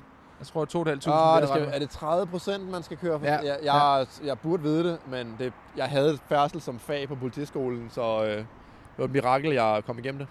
Ja, men, øh, i hvert fald... Nå, men altså, hvad... Lad os runde bogen af for pokker. Øhm, Ja, nu øh, de er begge to, de to løsladt og knækkede mennesker nu. Hvad for noget? De er begge to løsladte, men knækkede mennesker nu i øh, slutningen af bogen. Ja. Øhm, og det er jo øh, meget fedt øh, sådan i forhold til Hollywood, med at man ikke altid får den samme afrunding, man altid får med Dwayne The Rock Johnson, der lige hænger ud af en helikopter, og så siger et eller andet øh, øh, cliffhanger, øh, yippie-agtigt, øh, men at den faktisk... Øh, at man, man er efterladt med nogle følelser i slutningen af bogen. Helt smadrede og sørgelige afslutninger er tit Ja. ja. meget mere tankevækkende end, øh, Langt er, end, end The Rock, der hænger ud af en helikopter. Øhm, jeg, jeg synes, at det er... Øh, jeg, synes, det var, jeg synes, det var en... Øh, jeg, jeg må indrømme, at den har været lidt lektieagtig for mig, fordi det har været på kort tid, at jeg skulle lave den, og jeg har haft ret travlt. Men, men, men, øh, men jeg, synes, den er, jeg synes, den er god, og jeg synes, at præmissen er meget sigende og absurd spændende, hvordan at man har kunne se sådan noget som øh, masseovervågning øh, på det tidspunkt. Hvad har han jo så tænkt, det var igennem fjernsynet? Nu er det jo bare igennem mobilers og, og computeren og Ja, han havde ikke engang oplevet DDR. Altså, når vi tænker masseovervågning, tænker vi Stasi og DDR og han tog udgangspunkt i 2. verdenskrig jo. Ja, ja, det er, øh, han døde jo i 50, så det er der, hans øh, ligesom, hukommelse stopper. Ja. Ja. Han, han, den blev udgivet i 48, Ja. så det er 2. verdenskrig og krigscensur og, øh, og den slags ting. Det er det, der er hans udgangspunkt. Men jeg synes, det, det er fandme godt set. Eller også så har politikerne bare taget den og så brugt den som manual, og så er det sådan en selvopfyldende profeti.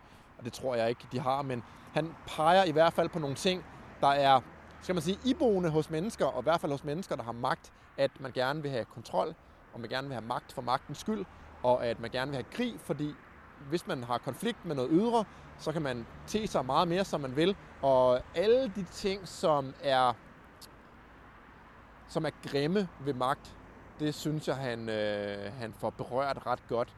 Karikeret selvfølgelig i, øh, i, øh, i 1984, fordi det samfund, der er tættest på i vore dage, det er Nordkorea. Ja. Og jeg tror ikke engang helt Nordkorea kan leve op til det, fordi der er stadigvæk grænsehandel i Nordkorea. Og, Og de folk, har heller ikke pengene og ressourcerne og Nej, de er- teknologien og intelligensen. Jo, intelligensen, de, de er sgu begavede nok øh, i Nordkorea, der er ingen tvivl om det. Men jeg tror bare, Måske- økonomi og menneskelig natur sætter en stopper ved, hvor vildt diktatur man kan have. Og jeg tror, grænsen for, hvor meget diktatur man egentlig kan have, den rører man nok ved i Nordkorea, så det bliver nok ikke vildere end det. De har ikke infrastruktur til at, ind, at lave aflytning i alle så mange steder, som de har i 1984 for eksempel. Men vi skal nok der, derud for at få noget, der ligner øh, en til en det, der sker i bogen. Ja. Øhm. Lad, skal vi, øh, skal vi, skal vi øh, runde af der og sige, det var... Jeg synes, øh, vi kom godt igennem det var, og øh, øh, jeg det, det var lige, en øh, meget ytringspligt edition af, øh, af, af, hvad det hedder, af en boganmeldelse. Ja. Øhm, på, fra, direkte fra Jylling, øh, lande, øh, landevej, Jylling, Jyllingvej. Øhm, Men jeg synes jo, det er sjovt, hvis bare sådan skal lave sådan en ekstra shooting the shit, og lave afsnit, der tager udgangspunkt i noget, man kan reflektere i. Altså, 12 Rules for Life vil også være en oplagt ting at sidde og tale om, fordi vi kan hele tiden komme til at springe fra emne til emne i, øh, i nutidens politik og forholdet mellem mænd og kvinder og alt sådan noget. Altså, det er jo ikke som at sidde og, og, øh, og tale om Helle Ibs nye bog eller et eller skal, andet. skal vi vende for, hvad vi mener med shooting the shit, og hvor det kunne finde sted? Er det noget, vi skal... øh, skal, skal Har vi afrundet nu, og er vi ude i shooting the shit? Vi er ikke eller? ude i shooting the shit nu. Jeg tror, vi skal runde af først, men skal vi, skal vi, øh, skal vi give et hint om, hvad der potentielt kunne være, hvis folk har lyst til at, at blive ved med at, øh, at opleve ytringspligt? Ja, lad os gøre det. Lad os øh, løfte sløret for, hvad vi måske kunne tænke os at lave. Okay, så, så Lars og jeg har talt om, at øh, det kunne være en interessant mulighed. Vi, vi bliver ved med at lave det her på YouTube. En time til at lande, nogle gange to timer hver eneste uge, medmindre vi ikke lige gider. Øh, men, men ikke sket Eller nu. vi ikke er i landet, eller, eller vi ikke er i landet, eller i fængsel. Eller har været for fulde. Eller men, men tanken er i hvert fald at blive ved med at lave det, præcis som vi gør det. Men så øh, snakker vi lidt om, jamen altså, det, der er ret mange, der kommer til os og siger, "Ved du hvad, det kunne fandme være fedt, hvis vi lavede noget mere, eller hvis vi lavede noget, hvad med det her, eller vi får, vi får, altså, vi får 15-20 e-mails hver eneste fucking uge. Øh, nogle gange flere. Ja. Øh, så, så det kunne være interessant at lave landet noget mere. Og jeg er faktisk, øh, det kan være, jeg lige kan finde den her, jeg har, øh, altså nu, øh, nu, jeg har ikke, altså, en idé i hvert fald, det er, nu freestyler vi på kamera, vel at mærke, så, så lytterne er jo faktisk også de første, der får øh, information om, øh, om, om de øh, tanker her. Tanken er at lave et, øh, simpelthen lave en, øh, en eller anden form for subscribe eller Patreon, som så går til ekstra indhold. Det vil ja. Sige, at øh, man kan altid støtte Lars' kamp øh, mod licens og, øh, og en BG-anlæg. Og, og jeg er ufattelig taknemmelig for, hvis I går ind på øh, Subscribestar, Lars Andersen, og så støtter mig der, fordi jeg får ikke en krone af nogen andre, og hvis jeg skal fortsætte med at lave aktivisme, det er sgu svært at have et almindeligt job, en arbejdsgiver, der vil ansætte en, og øh, den slags ting, så øh, hvis man går ind og støtter mig på Subscribestar, så bliver jeg eventyrlig glad. Og der kan man jo så, øh, så der kan man støtte Lars' kamp øh, som øh, frihedsaktivist, øh, og det kan man blive ved med at gøre, fuldstændig som man kan. Og det kan være, at, øh, at, at, øh, at man kan hvad, hvad, der, der give en ølniveau og sådan nogle ting. Ikke? Ja, der er sådan nogle små niveauer, Der- man kan, og- og det koster ikke mange meget. begge små og alt det der. Så, så det er en god idé. Og så kan man sige, hvis man så også øh, oven i det øh, tænker, ved du hvad, ytringspligt, det er faktisk meget fedt, at det kunne være grinerne at få noget mere ytringspligt. Det er simpelthen ikke bare have én ytringspligt om ugen, men simpelthen få noget mere indhold. Så vi snakket om, at efter hvert afsnit simpelthen optage, så bare blive ved med at optage måske 20 minutter, et kvarter 20 minutter, et eller andet, hvor vi bare shooter the shit, hvor vi kommenterer lidt på det, vi har snakket om, sådan lidt mere meta, måske gå lidt videre. Lige nu, der kunne det være oplagt at snakke om, Øh, for eksempel sådan noget Alexa, for eksempel. Øh, folk, der lytter, noget, der har med det her at gøre. Ja. Det kan være, at lige så snart at vi er færdige med det her, så optager vi sgu nok en lille smule. Ja, det gør vi. Så må vi se, om vi lægger det ud et eller andet sted. Du ved, så det kunne være noget, der var oplagt at gøre. Så lave en, øh, en, en ugenlig shooting the shit, hvor du så simpelthen efter det her afsnit er, er udkommet, vil kunne gå ind og så se, øh, se, øh, se noget mere. Øh, Så lave mails måske? lave noget månedlig øh, Q&A, det kunne også være spændende. Øhm, og så, så tænker jeg også, det kunne være sjovt at lave, øhm, det snakker vi også om sidst, den her bogklub, så simpelthen lave 12 Rules for Life, hvor vi laver 12 afsnit en gang om må- altså et afsnit om måneden, hvor vi tager udgangspunkt i et kapitel fra Jordan B. Petersons bog, som vi så også kan, øh, kan lægge op. Så der kommer en masse forskellige indhold, som man så kan få øh, øh, øh, noget Ekstra. mere. Plus ja. øh, fraklip og særafsnit, så kan vi smide det der øh, part 2 af vores øh, øh, fuld, fulde... Hvor vi fuld- bare øh, efterhånden alt for fulde. Alt, for fuld. Hvis det er noget, der er, folk øh, synes, der er en god idé, jamen så skriv nogle kommentarer, så, så, øh, så er det Og på fedt. den måde, så kan I støtte uafhængigt medieindhold, så det ikke bliver Radio Loud og DR og TV2 og alle de der... Øh, Og lige præcis, der er vi fuldstændig transparente omkring det. Vi kan sige sådan noget som en video. Normalt, når vi laver en video, Paludan er den største video, vi har haft. Der er 80.000, eller måske mere end det. Og så er der alle mulige, der... Jeg tror, vi er omkring 100.000 på tværs af alle platforme, der har lyttet til den.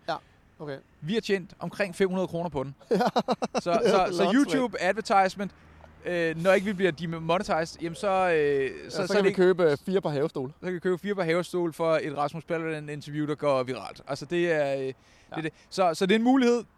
Øh, og så ser vi på det. Det er ikke noget, vi har oprettet, det er ikke noget, vi gør lige nu, men hvis det er, så, så skriv det, så kan det være, at vi gør det. Det var dagens afsnit. Det var det. Øh, husk at øh, nyde livet og øh, pas på med AGP-masterne. AGPN-masterne, ja, pas på dem. AGPAN. GPAN. Skud ud til øh, mænd. Ses næste gang.